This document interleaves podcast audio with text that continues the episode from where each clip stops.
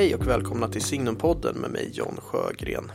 En samtalspodd producerad av tidskriften Signum som rör sig högt och lågt, vitt och brett inom Signums intressesfär, det vill säga kultur, teologi, kyrka och samhälle.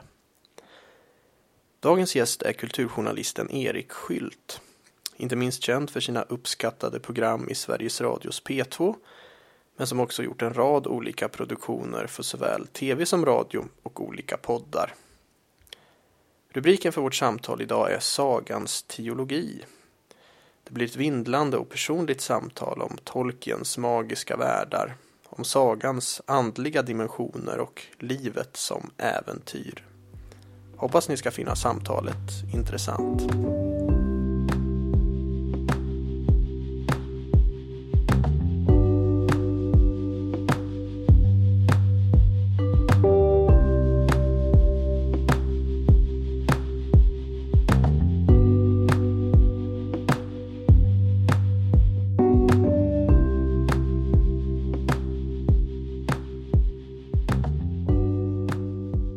Ja, välkommen till Signumpodden, Erik Skylt. Tack så mycket. Vi sitter i eh, Gamla stan här i din, ditt kontor. Exakt, på Prästgatan av alla gator. Vi ska prata om sagans teologi. Eh, hur känns det? Det känns jättebra. Det här är någonting som jag har gått och grunnat på nästan hela hösten. På olika sätt. Pratat med olika människor att vi måste göra ett seminarium som heter Sagans teologi.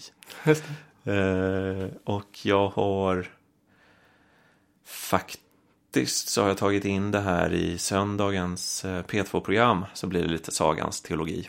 Ah, vad fint. Jag, jag tänkte att jag skulle jag säger nog inte orden sagans teologi där, Ja. men, men det är lite sagans teologi ändå. Ja ja, men det är ju lite anledningen till att eh, jag har, har valt dig som gäst här. Jag hade, när jag startade upp den här podden, vi startade upp den här podden för något år sedan så ha- hade jag eh, tidigt en idé om att du skulle vara med i podden någon gång. Men det fanns väldigt många olika ämnen och teman som jag tänkte att man kan prata med dig om. Men så landade jag ändå det här sagans teologi och det var just för att du återkommer ofta till det i många av dina program och, och poddar och sådär.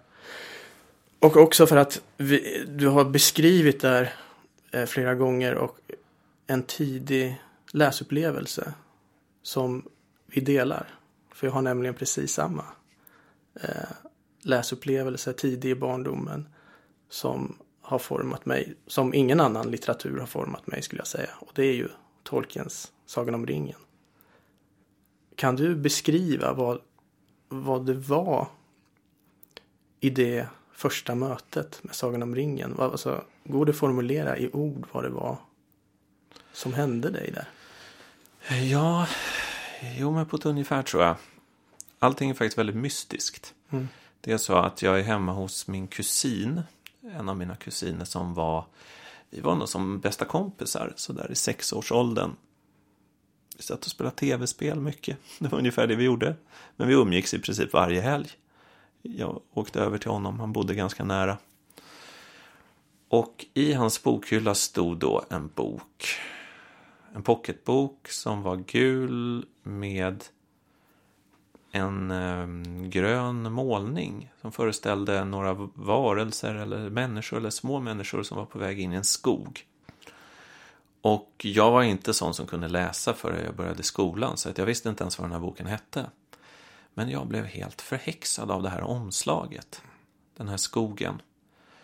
Och jag frågade då min kusin, vad är det här för bok? Ja, den heter Sagan om ringen, sa han. Och han sa väl kanske, jag tror inte han, han är ett år äldre så att han kanske kunde läsa lite grann, men jag tror att hans mamma läste den för honom. Så att det här slutade med att jag tvingade mina föräldrar att köpa den här. Och min mamma började läsa den för mig och min lillebror. Och hon tyckte att det var den tråkigaste bok hon någonsin har läst. Det tycker hon än idag. Hon orkade några kapitel. Och sen så tror jag att jag själv hade lärt mig läsa. Så att jag kunde då slutföra den här boken.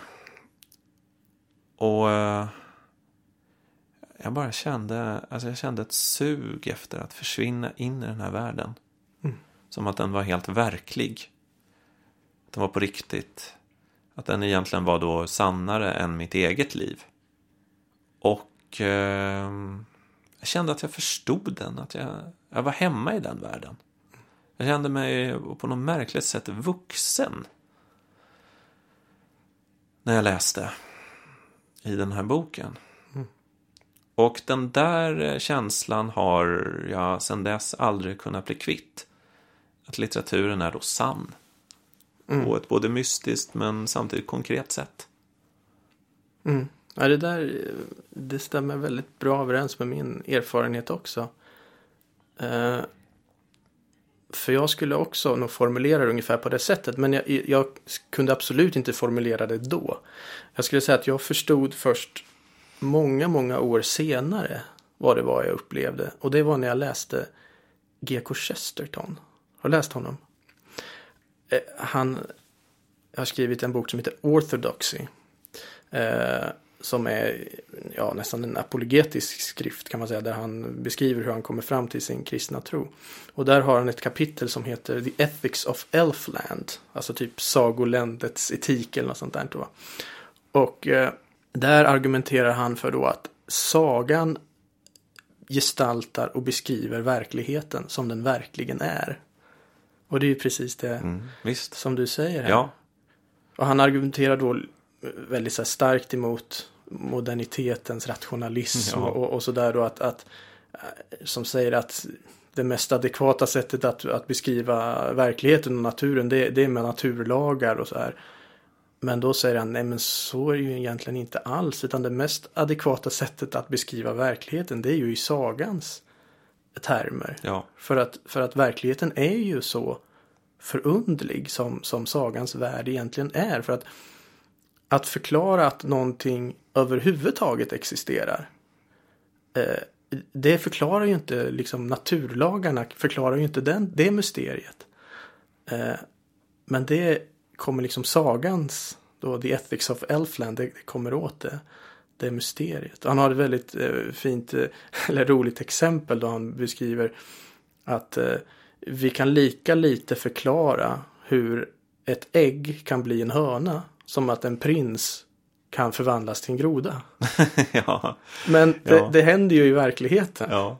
Det är ju liksom sagans. Så, när, så när han säger då så här, hur, hur ska vi kunna förklara att ett ägg kan bli en fågel eller att löven skiftar färg om hösten. Det mest sanningsenliga svaret på det är, det är magi. Eh, Så Ja, jag tror att det var mm. något åt det hållet som, ja, men våra liv är ju också sagor. så är det ju. Alltså det går ju att se. Jag har försökt göra det i vuxen ålder. Jag har blivit tvingad tillbaka till det där barnets blick på världen och på mitt eget liv. Och det som har då, för att komma ur någon känsla av meningslöshet så har det varit viktigt för mig att se mitt liv som en saga faktiskt. Till och med som ett äventyr. Där det finns då tecken eh, gömda i händelser och att det är på allvar. Och det är... Jag har då återvänt faktiskt till Sagan om ringen. Och det här, nu skulle jag säga då, att det kan verka som en slump, men det är det förstås inte. Utan det här är nog väldigt meningsfullt och kanske till och med, Jag ja till och med meningen att det måste vara på det här sättet. Men jag träffade en person då för två år sedan. Vi kände inte varandra, vi träffades på ett mingel på Bokmässan. Eh, han är ju professor i religionsvetenskap, så vi hade ju mycket att snacka om förstås. Men han hade hört någonting jag hade sagt i något program om just Sagan om ringen. Och så sa han att, men du, det här är, det är ju också min stora läsupplevelse. Kan vi inte utforska vad det här betyder för, för oss idag, Sagan om ringen? Och sen började vi göra det och vi träffas mycket och nästan lever oss in i de här de olika berättelserna i Sagan om ringen. Och då har jag allt mer faktiskt börjat läsa mitt liv i, i Sagan om ringen-termer. Sådär, nej, nu känner jag Morgulldolken. nu är jag på Väderklint. Nu är det svarta ryttare här runt omkring mig. Jag måste till Vattnadal. Var är Glorfindel? Jag vill bli räddad. Jag hör hovarna långt borta. Han är här. Hoppas jag hinner i tid.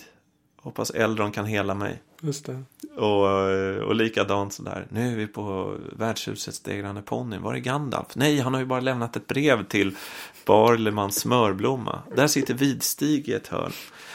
Ja, det här låter väldigt barnsligt, men jag tror att det går att leka på det här sättet genom att se en typ av, eh, i första anblick, dold struktur i ens liv. Mm. Ens liv har ju en riktning, om man tittar noggrant. Den har ju en framåtrörelse. Sen är ju mycket i livet också smärtsamt, men så är det ju i sagans värld också. Mm. Det är så intressant det där hur, hur erfarenheter kan likna varandra. För att eh, om jag, går tillbaka till barndomen och, min liksom första Sagan om ringen-läsning. Eh, så gjorde jag den tillsammans med ett antal människor. Eh, vi var liksom tre stycken som, som läste. Vi läste inte tillsammans men vi läste samtidigt.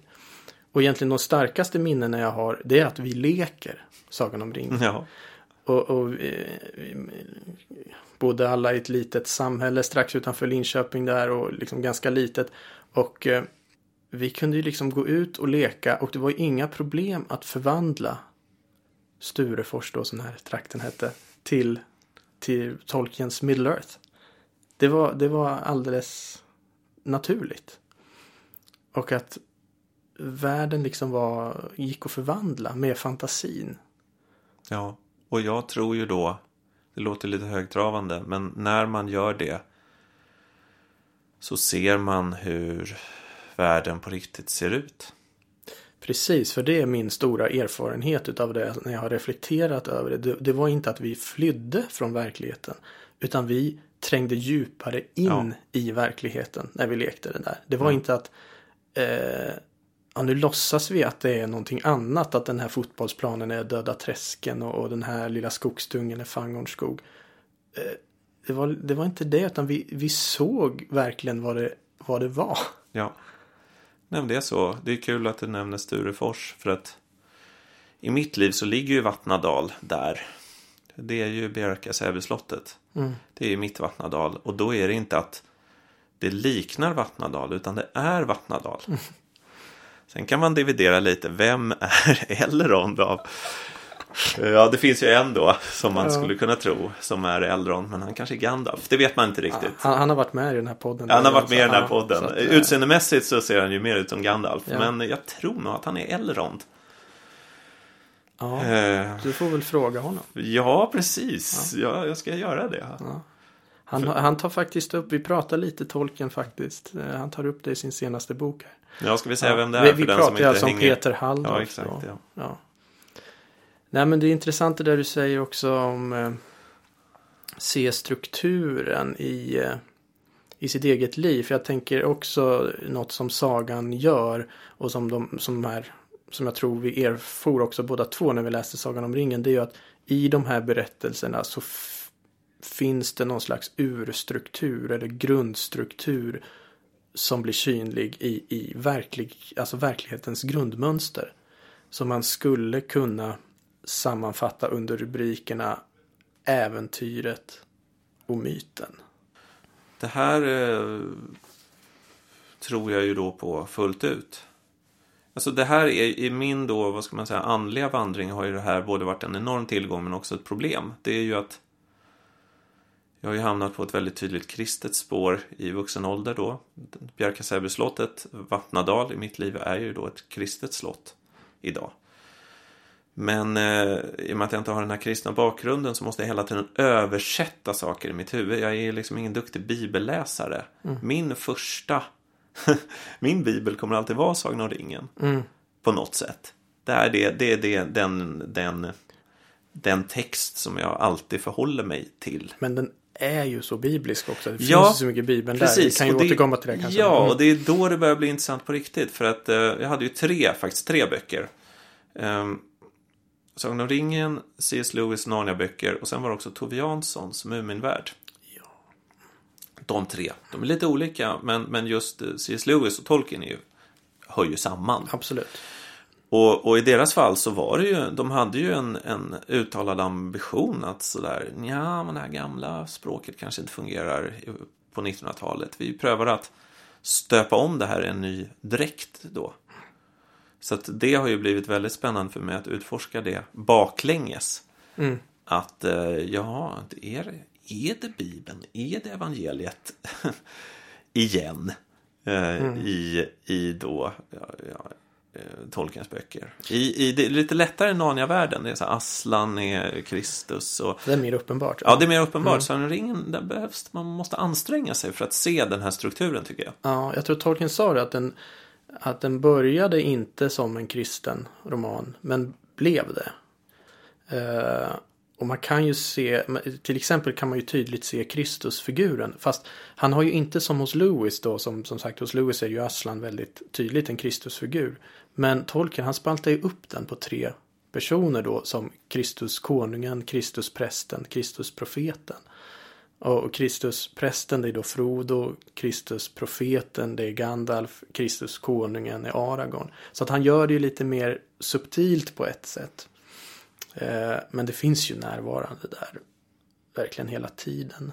Hur löser du det här då? Utifrån kristen teologi. Vem är Gollum? För att det man måste komma ihåg, som jag då har mediterat mycket över, det är att Frodo är ju på ett sätt en hjälte. Mm. Han tar ringen frivilligt under rådslaget i Vattnadal och säger jag tar den, jag bär den till Mordor.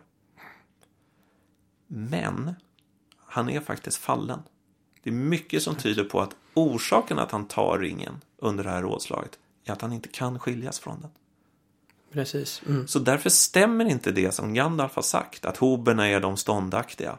För att det som händer precis när Frodo ska slänga ringen ner i Domedagsberget, det är att han faktiskt tar och säger den är min.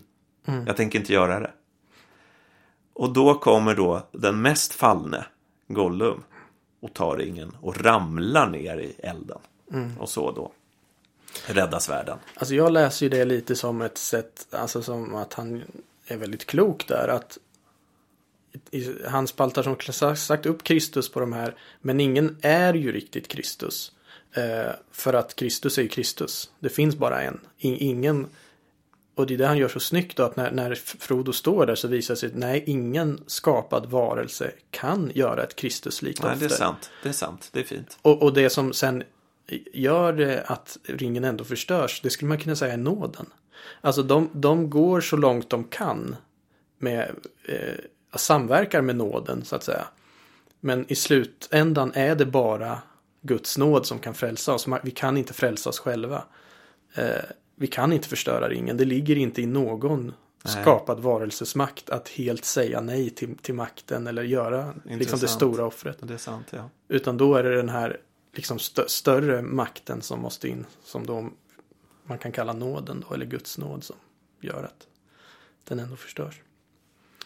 Men jag tänker det finns ju ändå eh, om man inte bara tänker på, på de rent konkreta liksom, referenserna till, till bibliska texter och så, så, så är det ju det som det framförallt gör både Lewis och, och Tolkien, det är ju som sagt det här liksom myten och äventyret som någon slags grundstruktur i tillvaron. Och att eh, det här var ju Tolkien mycket inne på att, att myten som sagt och, och äventyret uppenbara liksom den djupaste sanningen om, om tillvaron.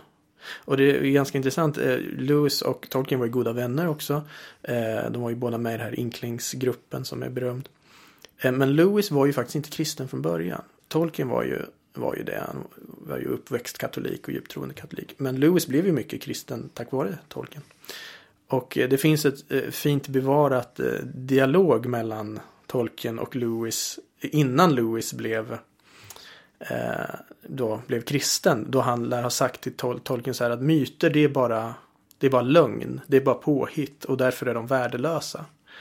Eh, och då ska Tolkien ha svarat eh, nej, nej, alltså myter är allt annat än lögn. Eh, och så eh, och så säger han då att de myter uttrycker sanningar som inte kan uttryckas på något annat sätt. Eh, och så lär han ha sagt så här. Vi kommer från Gud. Och även om de kan innehålla felaktigheter så är de myter vi väver ändå fragmentariska återspeglingar av det sanna ljuset. Det eviga ljus som finns hos Gud. Så det här myten som liksom på något sätt slår hål på ja, lite det som Chesterton var inne också på, liksom vår materialism och, och, och liksom det gudomliga ljuset. Även om det är människans skapade myter så är det, finns det någon återspegling av Guds ljus i de där berättelserna. För mig har ju processen varit att eh, se sagan i denna värld. Mm. Så, så, ser min andlighet ut. Att jag har ju, av någon anledning är jag född med en andlig känslighet skulle man kunna säga. Som har fått olika uttrycksformer. Um, en känslighet för en annan, att det finns en annan värld.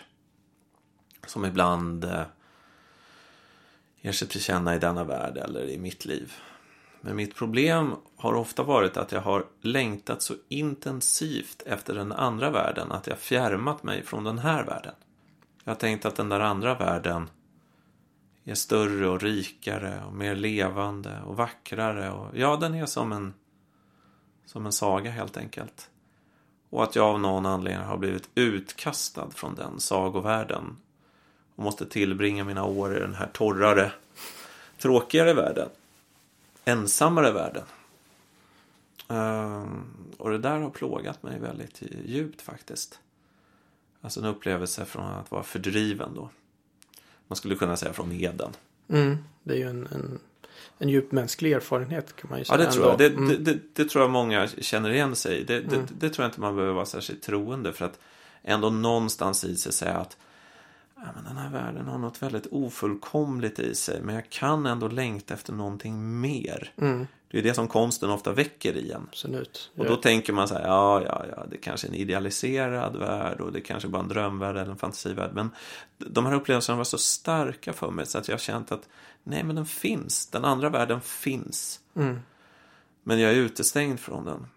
Och för mig har det varit processen då att, att inte gå under i en längtan efter den andra världen och en vantrivsel i denna värld. Att ändå försöka hitta den magiska världen här mm. i mitt liv. Har du gjort det? Ja, det är, jag kan säga så här. Jag jobbar med det. Mm. Jag jobbar med det. Men, men det är inte omöjligt. Det, det är inte lätt alltså. Det är det inte. Eh, det är inte lätt. Men men det är inte omöjligt. Det är det inte. Det är, jag tycker på senare år att, att eh, tillvaron haft de här mer magiska ingredienserna. Att de har blivit fler. Och ehm, både på ett ljust sätt men också på ett mörkt sätt. Att jag har förstått att jag måste in Förhoppningsvis inte ända till Mordor men jag måste i alla fall genom gamla skogen. kan man komma fram till Tom Bombadil i hans trevliga hus. Men... Eh, mm, det finns också kummelgastar. Det gör ju det. Som man dras ner i under jorden. Ja. Nej, men det där tror jag ju också alltså, eh, verkligen är någonting som de här berättelserna gestaltar också. Det, det finns en amerikansk jesuit som heter Robert Spitzer som han säger att myter då, de här äventyrsberättelserna och de klassiska myterna han formulerar det ganska bra. De är eh, fiction but not fictional. Alltså, eh, ska man säga då, dikt men inte påhitt typ. Mm. Eh, och han, han menar just att, eh, ja men det här som Tolkien var inne på, absolut, det, det är ju, kommer ju från en annan värld. Men det som myterna berättar är ju att det här har trängt in i vår värld. Ja. Och, och också på något sätt blir vår värld. Och att ja. det är den djupaste sanningen om oss själva. Ja. Men att den här på något sätt kan inte vår begränsade värld eh, herbergera den här sanningen fullt ut. För att myterna berättar om den absoluta sanningen, om den absoluta verkligheten. Ja. Och det kan inte vår värld riktigt herbergera. Nej. Så därför måste man berätta om det i den här mytiska formen i form av hjältar och eh, drakar och ja. allt det här. Va? Så ser ju också min bibelläsning ut. Jag vet inte, jag är kanske inte så ortodoxt eh, kristen här eh, när jag säger att Bibeln är då poesi, men att poesin är det sanna. Men för mig är det ingången. ta något, ta bara jungfrufödseln. Mm. Ja, är det poesi? Ja. Aha, du tror inte att det är sant? Jo, för poesin är det sanna. Ja, Men jag har, ingen, jag har ingen ambition att gå in och kontrollera hur det där gick till rent biologiskt. För det är inte där, där ligger inte mina sanningsanspråk. Det sanna ligger i berättelsen och vad det betyder. Just det. Och det kan vara otroligt sant. Det där tror jag ju är en, en viktig, alltså jag ser ju inte någon motsats mellan det där, men, men jag tror att det är viktigt Eh, som, alltså min, hela min senaste bok handlar ju om det här, alltså om, om kristendomen som en berättelse. Och jag tror att det är viktigt att förstå att kristendomen i grunden är en berättelse. Alltså kristendomen är inte en, en uppsättning filosofiska, eh, liksom en filosofi eller en uppsättning etiska regler. Utan den är ju historisk. Alltså den bygger på, på händelser som har skett i historien. Sen är teologi, filosofi, dog, Ja. dogmatik och så vidare oumbärligt för den kristna traditionen. Men teologin är ett är en reflektion över själva berättelsen. Berättelsen kommer först. Det håller jag med om. Man skulle till och med kunna gå så långt att säga att relationen kommer först. Absolut. Och det är ju också så som de bibliska berättelserna är skrivna. Det är ju att, att det, det, det händer massa märkliga saker med en, en utfallsskara människor. Och sen efter det så kan vi då dra slutsatser förstås. Men det är ju inte. Precis. Och jag tror verkligen på det här du säger också. Alltså att, man, att själva sanningen också finns i själva berättelsen. Att, Ja. att det är där man hittar sanningen. Eh, jag brukar säga då att kristendomen det är, det är inte en sanning som man brukar säga för bra för att vara sann. Den är för bra för att inte vara sann. ja. Alltså det är Ja. ingen människa kan ha tänkt ut ett sånt här liksom mångskiktat, så här all- allomfattande eh, narrativ. Det måste vara uppenbarat av Gud. Det är Ja. bara Gud som kan berätta en sån här Ja. historia. Ja.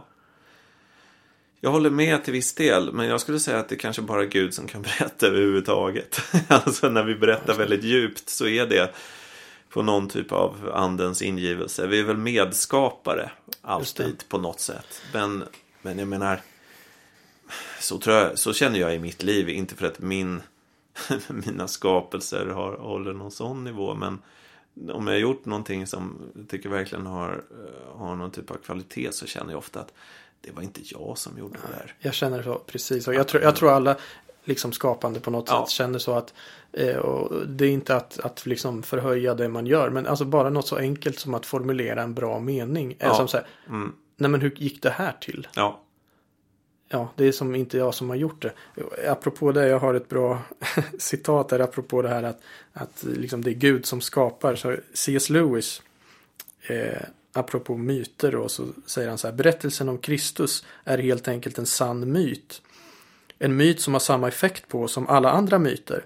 Men med den enorma skillnaden att den här myten verkligen har hänt. Och man måste acceptera den på samma sätt.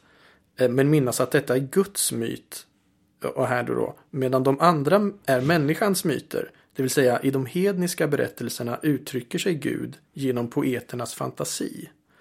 Använder sig av bilder som man finner där, medan Gud i kristendomen uttrycker sig själv genom vad vi kallar för verkliga ting mm. Så det tycker jag, och det där håller jag helt med om, alltså att, att det är precis som du säger, det är Gud som alltid berättar. Även när vi berättar. Men sen finns det då ändå den här kvalitativa skillnaden med den kristna berättelsen. För den, Ja, den, ja. den har hänt i historien. ja precis. Ehm, Så där, jag vet inte om man kan finna någon slags då så här syntes där. Man ska säga att, att, som du säger, det är poesi. Absolut, men det är ju inkarnerad poesi. ja, exakt. Po- Det är ja, det myt, här... myten som har blivit Ja. förkroppsligad i världen. Ja. Och historiskt förkroppsligad. ja, precis. Jag kan inte förneka inkarnationen. Det är ju den vackraste tanken som finns. Ja, Eh, Det, så det ska jag inte göra här. Eh, Men eh, det är klart att den har en särställning. För att det är Gud själv då. Som framträder. Och visar sitt ansikte. I Jesus. Och konsekvenserna blir ju enorma. Faktiskt. Men eh, vad är skillnaden? Jag försöker tänka här, rannsaka mig själv. Vad är skillnaden mellan den berättelsen och de här sagorna då? Jo, men så här då. Nu ska jag försöka få ihop det här. Nattvarden. Det, det är ju bara ett bröd. Till en början. Det är ju, alltså det är så otroligt bra symbol för det här mystiska vi försöker ringa in. Det är något så enkelt som en liten, liten brödbit. Och så säger man, det här vardagliga tinget är då Kristi kropp. Det är ju helt otroligt. Det kan väl inte vara sant? Nej, det är svårt att tro. Att det verkligen är det. Men om man trots det nästan helt omöjliga att tro det fullt ut försöker så tänker jag att hela världen öppnar sig. För då avslöjar den handlingen, nattvarden, hur hela världen är beskaffad. Mm. Det tror jag med. Eukaristin är, är det mest verkliga. Ja. Då, då är verkligheten som mest verklig, Ja. så att säga. För att den har de två nivåerna. Och det är då det som jag söker på min pilgrimsvandring. Det är att det är denna värld som är besjälad. Absolut. Att den här Tolkiens värld som jag längtar, jag vill gå i de där skogarna. Jag vill uppleva de äventyren. Jag orkar inte vara här. Jag är trött på den här världen. Jag tycker den är för torr och oromantisk. Men nu är jag här så jag får göra det bästa av saken. Då måste jag hitta den punkten som gör att då sagan eller det gudomliga eller den andra världen flödar in i denna värld. Och den porten finns ju väldigt konkret där i när man säger detta i Kristi kropp. Den här brödbiten. Mm. Det är som man drar bort en slöja liksom. Ja. Och plötsligt ser man hur Ja. verkligheten verkligen är beskaffad. Ja, om man tror, om man tror på det så, så är det som att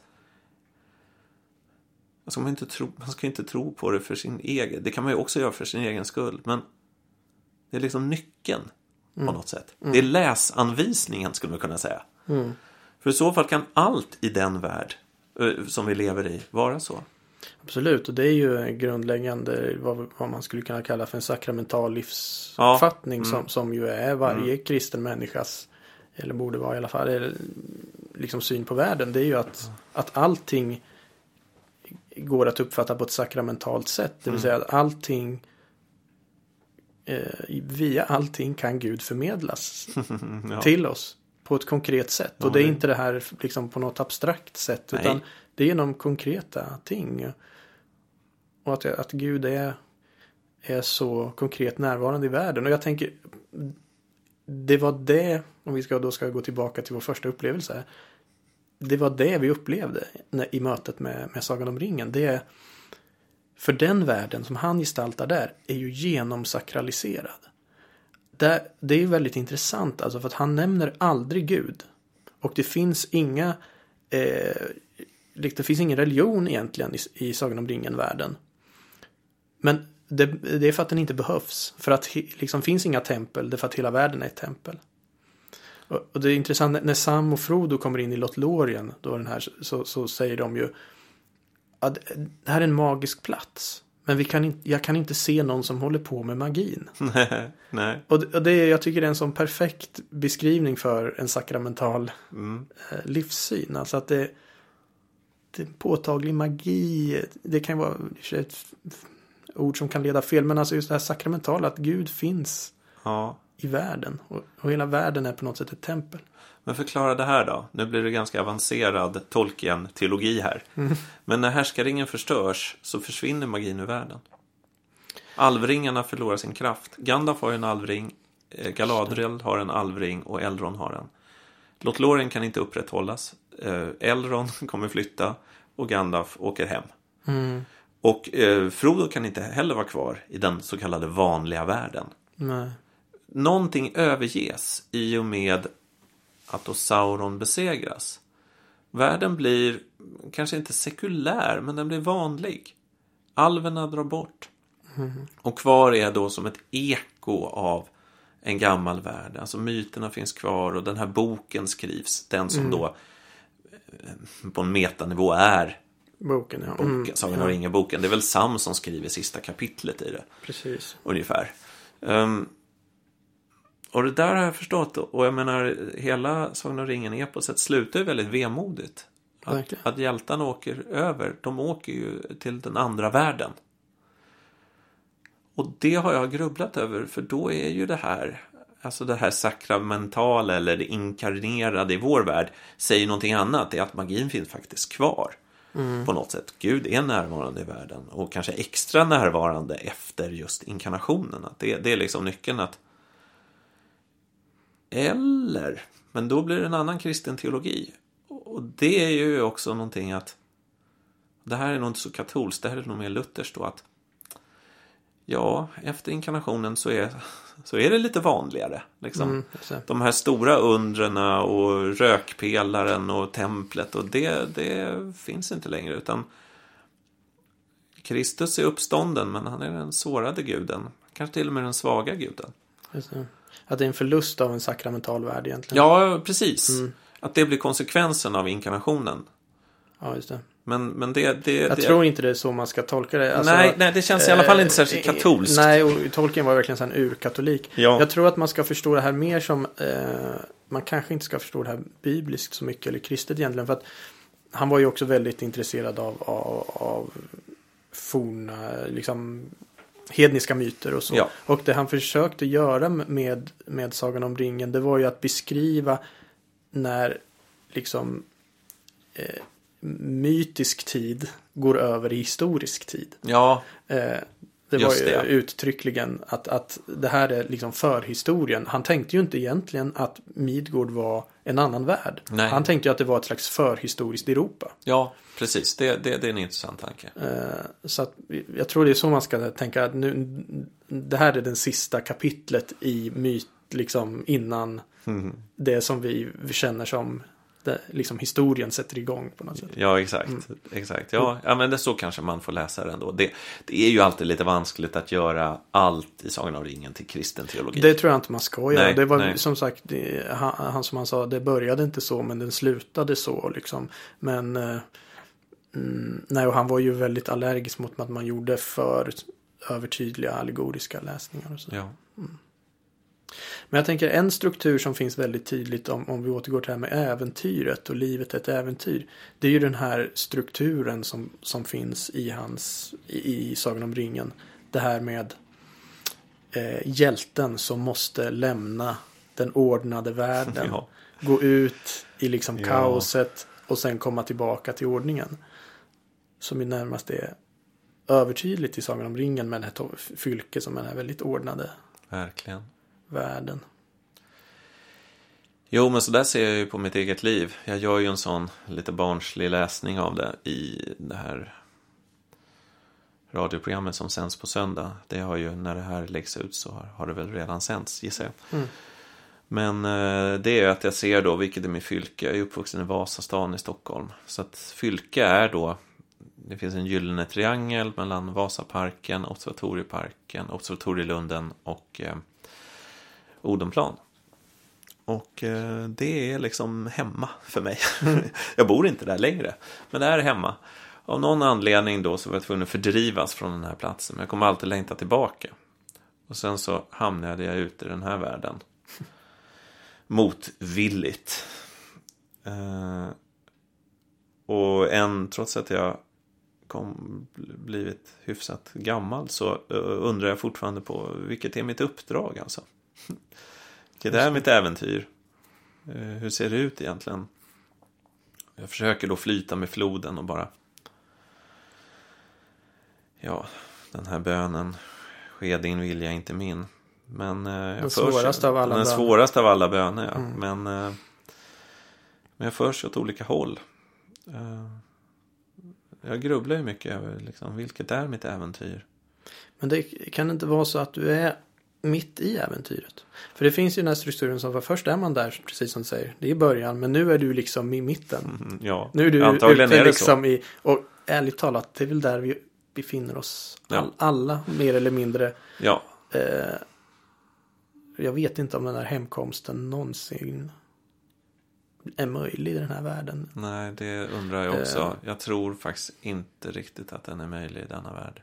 Men ändå finns det något som är då så oerhört tilltalande för oss i, i den här strukturen. För den, den finns ju, det, det finns ju en, en mytforskare som heter Joseph Campbell. Ja, han, sk- han skriver visst, den här berömda visst. The Hero with a thousand Ja, faces, kom på visst. 50-talet. Ja. Och där har han ju det här, just den här att alla myter all, har den här upp, upplägget. Så, så det finns ju något som, som är så starkt med det här. Liksom, ordnade, sen ut i kaoset, ut, ut liksom för att förhoppningsvis förinta då ondskan. Eller, Mhm. där, och, Ja. och sen komma tillbaka till det ordnade med de skatter på något sätt. Just som det. bara går att hitta där ute. ja. Eh, och jag tänker det, det, är, det är något djupt sant i det där. Alltså för att jag, jag tänker att det där visar på två filosofiska hållningar eller två livshållningar också som är så viktiga att, att ha båda två. Att den ena då är den här ordningens hållning som jag tror är liksom väldigt viktig som betonar liksom att det finns ordning och riktning i tillvaron. En slags teleologisk hållning skulle man kunna säga då. Och den andra är det här liksom mer kreativa eh, om man säger processtänkande att vi, vi är i vardande på något sätt. Men jag tänker att båda de där behövs. I kristen teologi så, så är ju såklart liksom den ordnade tanken väldigt stark. Att det finns en riktning i tillvaron och allting är ordnat mot Gud så att säga. Men för att en sån hållning inte ska bli liksom stelbent och, så måste man, den kompletteras med den här mer, ja men vi måste också ut i det kreativa kaoset. Så att det är väl det som jag tänker de här äventyrsberättelserna gestaltar. För att kunna bli hela människor så måste vi liksom ut i det här kreativa kaoset. Vi slänga oss ut och vara där då som du kanske beskriver att du, du känner att du befinner dig nu. Vi måste Ja, in visst. i det. Vi måste djupt in i det. Vi måste göra som Frodo och gå hela vägen med det. Ja, Liksom ända in i domedagsbergets Ja. hjärta. ja. Men l- låt oss då radikalisera det här på ett sätt som jag har tvingats göra i mitt liv. Och gå till kanske den starkaste av alla Jesu berättelser, eh, den förlorade sonen. Mm. Jag har ju insett att jag under en stor del av mitt liv varit den sonen som stannar hemma. Ja, du inte identifierar med honom. Mm. Ja, fullt ut. Just det. Det vanligaste är ju nog att man identifierar sig med. Ja, det är nog det vanliga. Ja, men men i, mitt, andra. li- i Mm. mitt liv, helt klart. Jag har gjort ungefär som det har förväntats av mig. Jag har hållit mig till reglerna. Jag eh, jobbat på, varit duktig. Jag har eh, jag har också gjort ungefär vad mina föräldrar vill att jag ska göra. Mm. Men det har lett till någonting eh, oförlöst i mig. Så att eh, jag har förstått att jag måste också vara den här, den förlorade sonen. Det är Ja. omöjligt. Det har varit högmod att jag trott att jag kunnat slippa det. Det går inte. Jag måste, Nej. jag, jag, jag måste också ut i det där. Den stora tomheten tror jag är. Det står. Att han hamnar i. Man måste, han hamnar i Ja, den stora precis. tomheten. Precis.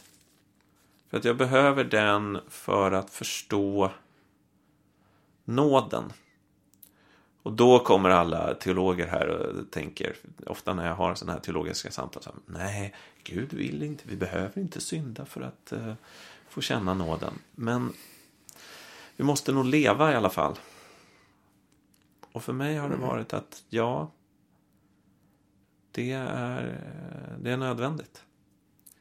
Och för mig är det då viktigt, för att knyta in Sagan om ringen här, det är att Frodo faktiskt misslyckas. Mm. Han är inte hjälten. Han blir Nej. liksom indirekt hjälten, men han, han, han lyckades faktiskt inte. Man måste komma ihåg att han inte gjorde det. Mm. Han kanske var korrupt hela tiden. Mm. Han, han, han traskade på bra in i Mord och han kämpade som bara den. Mm. Men när han ställdes på prov så lyckades han inte. Och det tänker jag att för mig har det varit den starkaste lärdomen. Rent kristet så har jag alltid varit så här att jag förstår faden. Jag kommer hem. Mm. Jag förstår anden. Mitt liv blir besjälat. Jag känner någon typ av kreativitet eller närvaro och sådana saker. Men vad behöver jag Jesus till? Jo, för jag behöver förlåtelse. Mm. Men jag kan inte få den här förlåtelsen när jag är den hemmavarande sonen. För han vet inte hur man ber om förlåtelse riktigt. För han tycker inte han har gjort något fel. Han, han är bara sur. Förstelnad. Han har ett förstelnat hjärta. Just det. Så någonstans så måste jag ju då ut i världen för att krossas helt enkelt. Just det.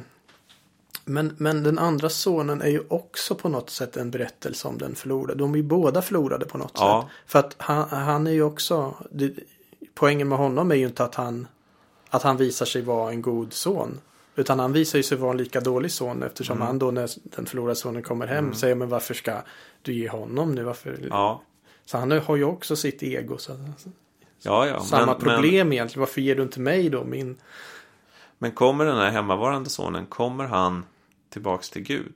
Gör han verkligen det? Ja, det, Det vet vi ju inte riktigt. Att den Ja, förlorade sonen kommer tillbaks till Gud, det, det är uppenbart. Och titta också på hur Jesus rör sig bland människor. Han, han söker sig till och syndarna, till de fallna. verkligen. Han känner sig hemma där. Han tycker Mm. om dem. Absolut. Ja, men förlorade sonen är ju, är ju hela kristendomen på Ja, något sätt. Det är hela Ja, inkarnationen och allt. Ja, det, liksom. det, det, den det är ju, är, man hade kunnat trycka Bibeln på en, ett blad. Det hade varit lite enklare kanske. Bara den, den storyn. Det, det är ju den bästa sammanfattningen. Ja, det är den som- bästa som, sammanfattningen. som vi har. Det är det. Och, och det är ju intressant just som vi pratar här om berättelser och så. Alltså att, eh, var ligger sanningen? Att Jesus alltid väljer att göra det i form av berättelser. Av liknelser. Ja, När han ska berätta då Mm. vad Guds rike är eller vem, vem Gud är då här. Då gör han det i en berättelseform. Och då den här förlorade sonen har ju strukturen som vi pratade om. Den här mytiska strukturen. Mm. Hemma, ut i världen, tillbaks. Det finns en intressant sak här som jag snubblade över för något år sedan. Och det, jag också eh, läst eh, han Joseph Campbell ehm, och sådana här myternas historia och massa grejer. Och, och det är klart att i, i, i eh, mänsklig historia så eller mänsklig kultur så finns ju många urmyter som återkommer på olika ställen. Och det är ofta det här hjälten som dras upp, en helt obetydlig person dras upp från sin eh, hemtrakt, kastas ut i världen, eh, möter massa faror, eh, vinner skatterna eller dödar draken och sen återvänder. Och har då funnit sig själv. Men då har jag hört, det var faktiskt han Bishop Barron. Eh, kollar du på honom? Ja, absolut. Ja, det, det är ju en katolsk amerikansk eh, Robert Barron heter han som har en väldigt bra YouTube-kanal. Mm. Det har varit otroligt lärorikt för mig att kolla på den. Ehm, Ja, han, är- han är ju en stor eh, folkbildare och Ja, evangelist får man Ja, men jag tycker han är superbra. Och han, jag vet inte om det här är hans tanke från början, men han har sagt att de här myterna finns i alla berättelser världen över. De finns i religioner, de finns i konsten, de finns i teatern. Och det är då människan som ger sig ut i världen, upplever äventyret och finner sig själv. Men, säger han, Bibeln är inte den grundmyten, utan är tvärtom. Den handlar om Gud som söker människan. Ja.